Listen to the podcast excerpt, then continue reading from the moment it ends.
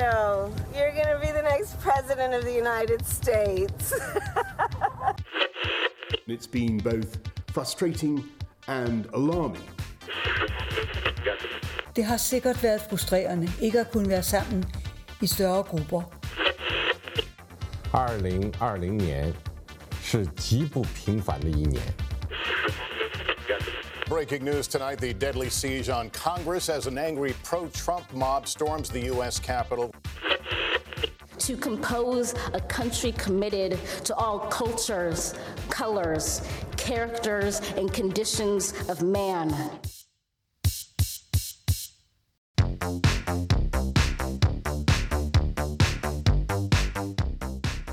Góðan dag, kæru hlustendur, þeir eru að hlusta á heimskviður. Ég heiti Guðmundur Björn Þorbjörnsson. Og ég heiti Birta Björnsdóttir. Í heimskviðum er fjallað um það sem gerist ekki á Íslandi.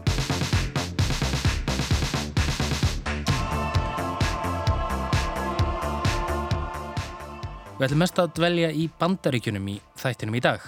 Já, svona mestuleiti. En við fikrum okkur líka yfir landamæri þeirra og yfir til nágrunnaríkisins Mexiko en reyndar ekkit mikið lengra en að þessum landamærum. Emitt, en á síðasta ári þá hefur fyldarlausum börnum sem freista þess að komast yfir landamærin frá Mexiko til Bandaríkina fjölgað gríðarlega. Í janúar á þessu ári voru þau tvöfalt fleiri en á sama tíma í fyrra. Fyrir þessur ímsar ástæður, Donald Trump, fyrirverandi bandarækjafósiti, fór nú ekki lengt með anduð sína á nágrunum sínum í suðri í fósitatíð sinni og hóf meðal annars að reysa vegg á landamærunum. En þúsundir barna fyldarlausara reyna eftir sem áður að komast til bandaríkjana í hverjum mánuði. Kemur þetta til með að breytast með nýjum fórseta og hvað verður um þessi börn? Já, Jóhannes Ólafsson hann ætlar að segja okkur nánar frá þessu í síðari hluta þáttarins. En við ætlum að fjalla um réttarhöld sem hófust í vikunni, nánar tiltekið á mánudaginn. Já, réttarhöldin yfir lauruglumanninum Derek Chauvin sem myrti George Floyd í Minneapolis í fyrra. Það gleymir þessu líklega enginn sem hefur annarkvort séð þetta myndskeið eða heyrt. George Floyd var handtekinn þann 21. mæ í fyrra eftir að verslunareigandi hefði ringt á laurugluna. Hann saði Floyd að var reynd að greiða fyrir vörur með fölsuðum 20 dólara seðli. Lauruglumæðurinn Derek Chauvin mætti á samt félögum sínum á vettvang, snýri George Floyd niður, handjárnað hann og þrýsti nésínu að hálsi Floyds sem lág á maðurum handjárnaður og gæt enga björg sér veitt og það gerðan í tæpar nýju mínútur og hætti ekki þrátt fyrir að Floyd segðist sjálfur ekki ná andanum.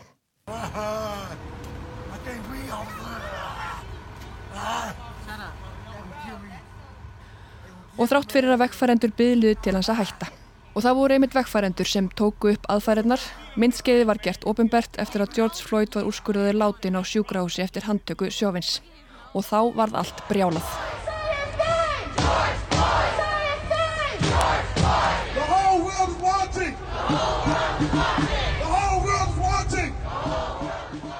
Næstu daga og vikur ætla allt um kollað keira í bandaríkunum. Átökumilli lauruglu og mótmælenda brautust út fyrst í Minneapolis en dreifðust fljóttum gerfull bandaríkin. Í Minneapolis voru einninn skemdarverk og beitti laurugla táragassi og skautu gummikúlum að mótmælendum og átökin voru nefnilega hvergi eins mikil og í Minneapolis. Þar sem ríkistjóri Minnesota ríkis sá sig á endanum knúin til að óska eftir aðstóð bandaríska þjóðvarðliðsins. Svona gekk þetta næstu vikur. Óróin í bandarísku samfélagi var mikill og landið á góðri leið með að tvístrast einfallega algjörlega í sundur. Já, þessi skautun eða polarisering sem okkur hefur orðið tíðrættum hér í heimskviðum ofta áður. Já, fyrir morðið á George Floyd má segja að bandaríkin hafi verið á góðri leið með að kljúfa sér í tvo hópa hópa sem eru vissilega þó ólíkir innbyrðis.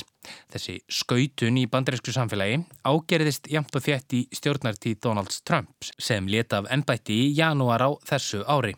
Það er ekki þannig að fólk skiptist einfalli í stuðningsmenn Trumps annarsvegar og andstaðinga hans hinsvegar en það er þó líklega einfaldasta skýringin. Það var ekki bara andstaða við algerðir til að spórna við línun jarðar, vilji til að lækka skatta og herða innflýtjandastefnu sem markaði þennan klopning heldur einnig afstafa fólks til mannréttinda, nánar tiltekið til stöðu svartra og annara minnihlutahópa í bandarísku samfélagi. Rasismi eða kynþáttahattur hefur lengi verið rótgróið vandamál í bandaríkjunum. Þótt þrælahald hafi verið afnumið 1865 helt kerfisbundin mismunun á svörtu fólki áfram. Það er ekki verið tæmlega hundrað árum síðar í kjölfar linnulöysrar baráttu svartra aðgerða sinna sem samþyktur lög um að svart reyða njóta sömu réttinda og hvítir. En þrátt fyrir þetta er svart fólk ennþá víða í aðarsett í bandaríkjunum og kynþáttafórtumar grassera nú sem aldrei fyrr og lauruglófbeldi spyrar hér inn í. Emitt og ekki endilega bara líkamlegt ofbeldi lauruglunar gegn sörtu fólki, heldur einnig bara gróf mismunun. Þá sína tölur svo ekki verið umvilst að mun fleiri svartir bandarækjumenn eru drefnir af lauruglu en hvítir. Margir þeirra óvopnaðir, líkt og George Floyd. Og morðið á honum var drópin sem fylgti mælinn fyrir marga bandarækjumenn.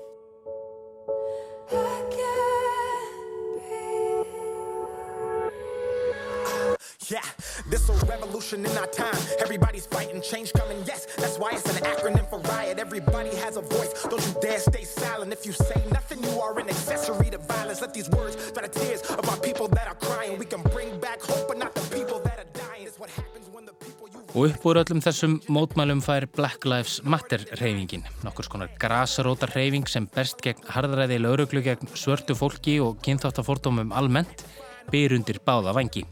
Hún er formlega stopnið 2013 en sömarið 2020 var sömar Black Lives Matter. Reyfingin var mjög áberandi og tegði þessu út um allan heim og inn í alla ánga samfélagsins, meðal annars inn í íþróttaheimin.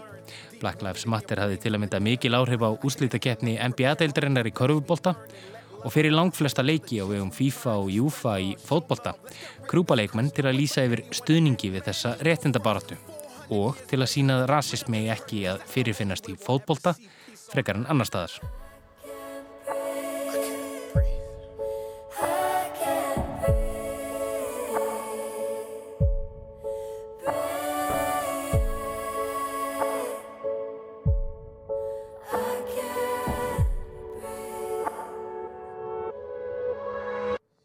Flest eru nefnilega sammála um að málið þar að segja morðið á George Floyd sé nefnilega byrtingamind áratuga og aldalangs ójöfnuðar millir bandarækjamanna sem engungu er byggður á því hvaða húðlit þeir skarta.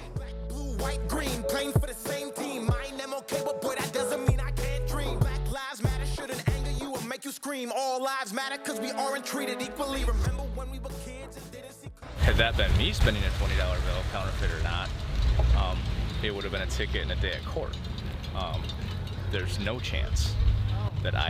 Þetta var eitt þeirra sem tók þátt í mótmælunum þegar réttarhöldin hófust fyrir vikunni og nefndur bandarækjamaður sem sagði að ef það hefði verið hann sem reyndi að borga með mögulega fölsum 20 dólarsæðli hefði það haft sáralitla eftirmála. Hann hefði kannski fengið segt. Það séu engar líkur á því að hann hefði þurft að gjalda fyrir það með lífi sínu eins og George Floyd gerði. Já og þessi ónefndi maður sem við heyrðum í þarna, hann er kvítur.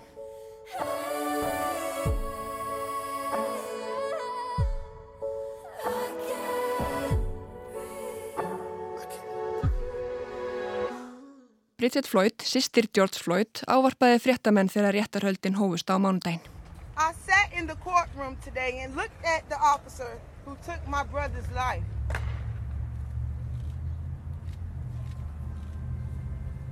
I just really wanted that officer, officer to know how much love Floyd had. Not only by me and his family, but you guys too and the, and the people around the country.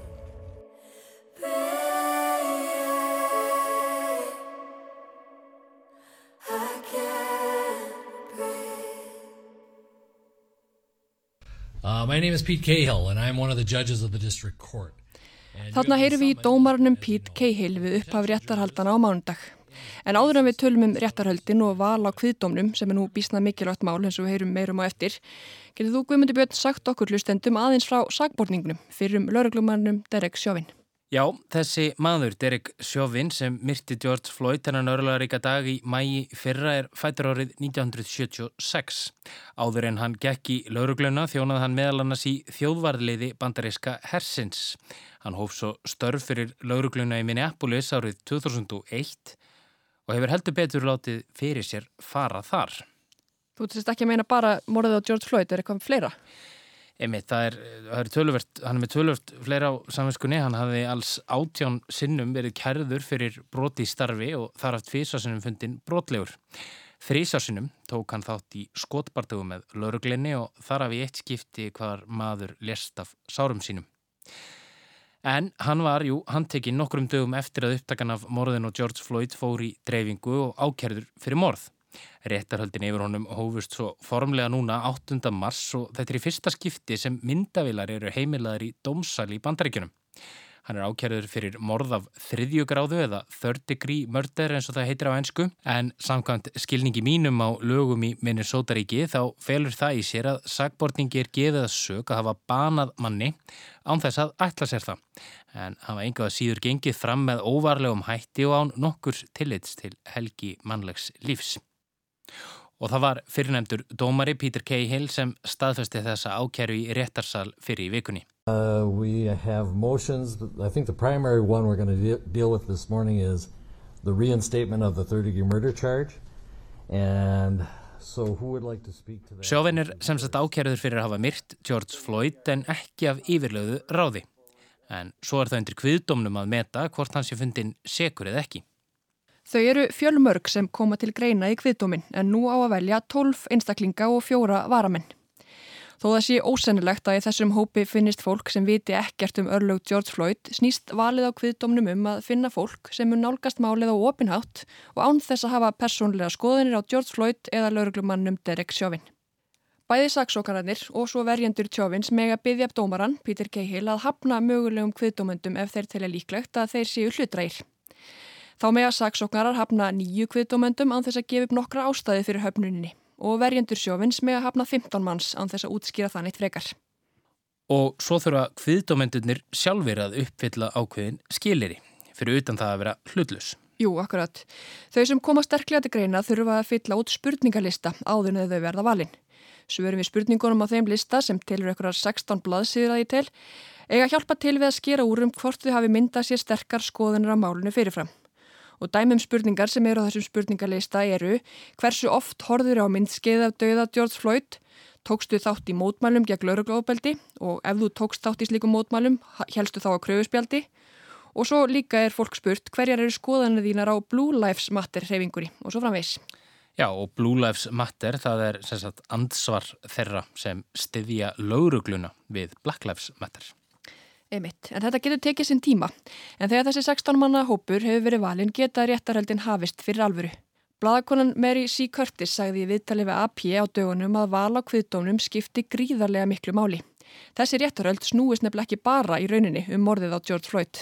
Also, we have to realize it's not just one trial. It is about a, a really a worldwide. We saw those marches and protests uh, talking about justice in policing and how African Americans and people are co uh, of color are treated by the police. So it, it's the world looking at it. And, and right now, I, I do really think that they really are going to have to strive to have a jury with people of color on it. Heimsbyðin fylgir sem sagt með hvernig standi til að taka á málinu. Hver er afleðingarnar verði fyrir lauruglumenn sem misbeiti valdi sínu gegn svörtum bandarækjumannum. Blaðakonan Curtis segir mikilvægt að þau sem sæki málið berjist fyrir því að kviðdómurinn verði ekki engöngu skipaður snjaka kvítum bandarækjumannum.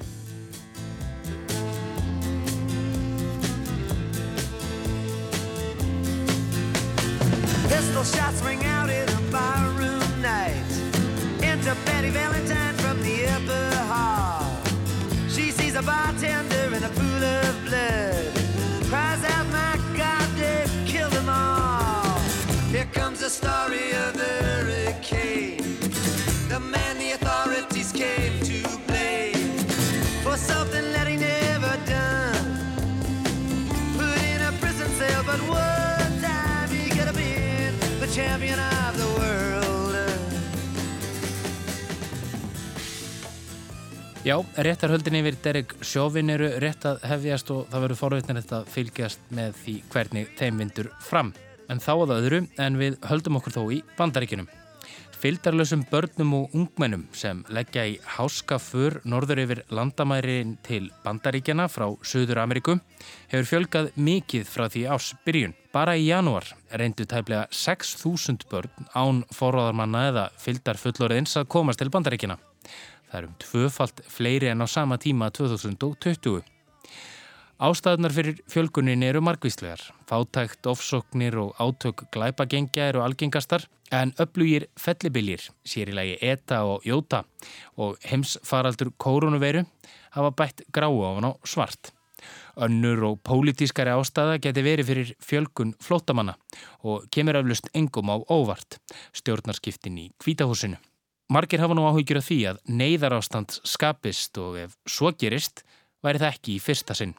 Jóhannes Ólafsson tekur nú við. So, thank you all. We've already begun specific actions to both undo the previous administration's policies and to advance a new vision of immigration. Róberta Jakobsson, samhæfingarstjóri á sunnanverðum landamærum bandaríkjana, tók til máls á bladamannafundi í Kvítahúsinu á miðugudag. Þar talaði hún um að sértækum aðgerðum hefði verið hrind í framkvæmt til að afturkalla stefnu fyrir ríkistjórnar í innflytjandamálum. Núverandi stjórn myndi sækja fram með nýja sín. Hún nefndi ymsar leiðir til að draga úr harkalegum móttökum á landamærunum. Í samráði við stjórnvöld í Mexiko og ymsar stopnanir þau unnið að því að samina fjölskyldur og bæta aðbúna þeirra sem sitja fastir á landamærunum. Með þessu var hann þó ekki að breyða út faðminn fyrir hönd ríkistjórnarinnar. I want to be clear, neither, this, neither this announcement nor any of the other measures suggest that anyone, especially children and families with young children, should make the dangerous trip to try and enter the U.S. in an irregular fashion. The border is not open. Landamærin eru ekki opinn, sagði Jakobsson og réði ungum innflýtjandum frá því að leggja upp í hættulegan leiðangur frá mið- og söður Ameríku gegnum Mexiko til bandaríkjana. Allavega ólöglega. Finna eitt í leiðir til að auðvelda fólki að gera þetta allt saman löglega.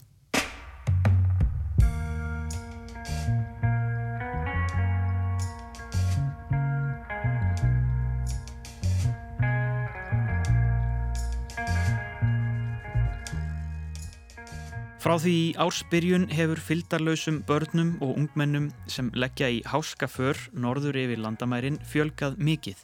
Bara í janúar reyndu tæplega 6.000 börn án forráðamanna eða fyldar fullorðins að komast til bandaríkjana. Það eru um tvöfalt fleiri en á sama tíma 2020. Þetta er þó lítið í samanburði við árið 2019 þegar samtals 76.000 fylgdalaus börn voru stöðvuð á landamærunum og komið í gæslu.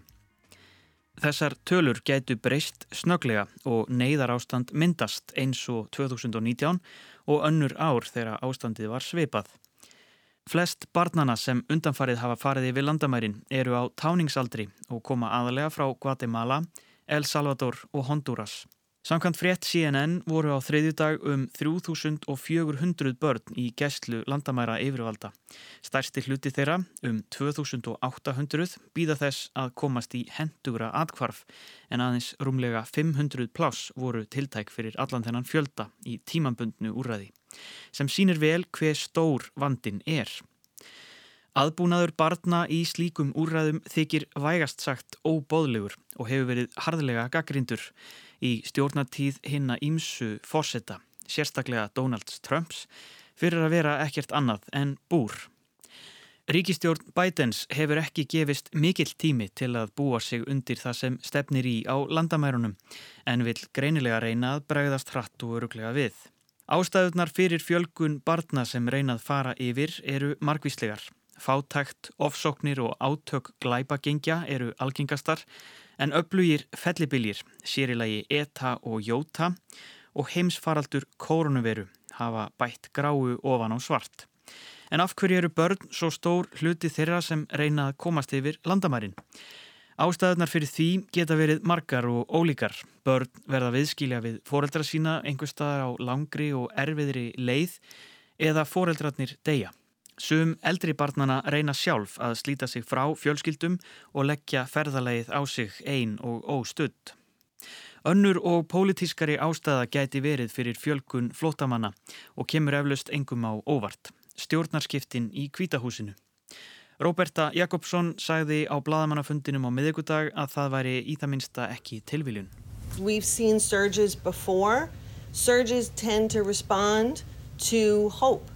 And there was a significant hope for a more humane policy after four years of you know pent up demand.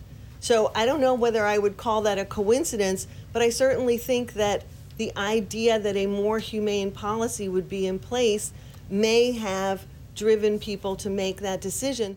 Biden hefur nú verið við völd í rúma 50 daga. Strax frá fyrsta degi hefur áherslan að miklu leiti verið að snúa bandaríkjunum frá stefnumálum Trumps. I'm not making new law, I'm eliminating bad policy. Ég er ekki að semja ný lög, ég er að losa okkur undan slæmri stefnu, segir Biden. Þar eru innflýtjandamál ekki undanskilin. Strax í fyrstu vikunni í embætti skrifaði hann undir þó nokkrar forsetta tilskipanir sem varða innflýtjandastefnu en þær hafa raunar takmörkuð áhrif fyrst um sinn. Kerfið er þungt í vöfum og tilskipaninnar snerta aðeins toppin á ísjakanum.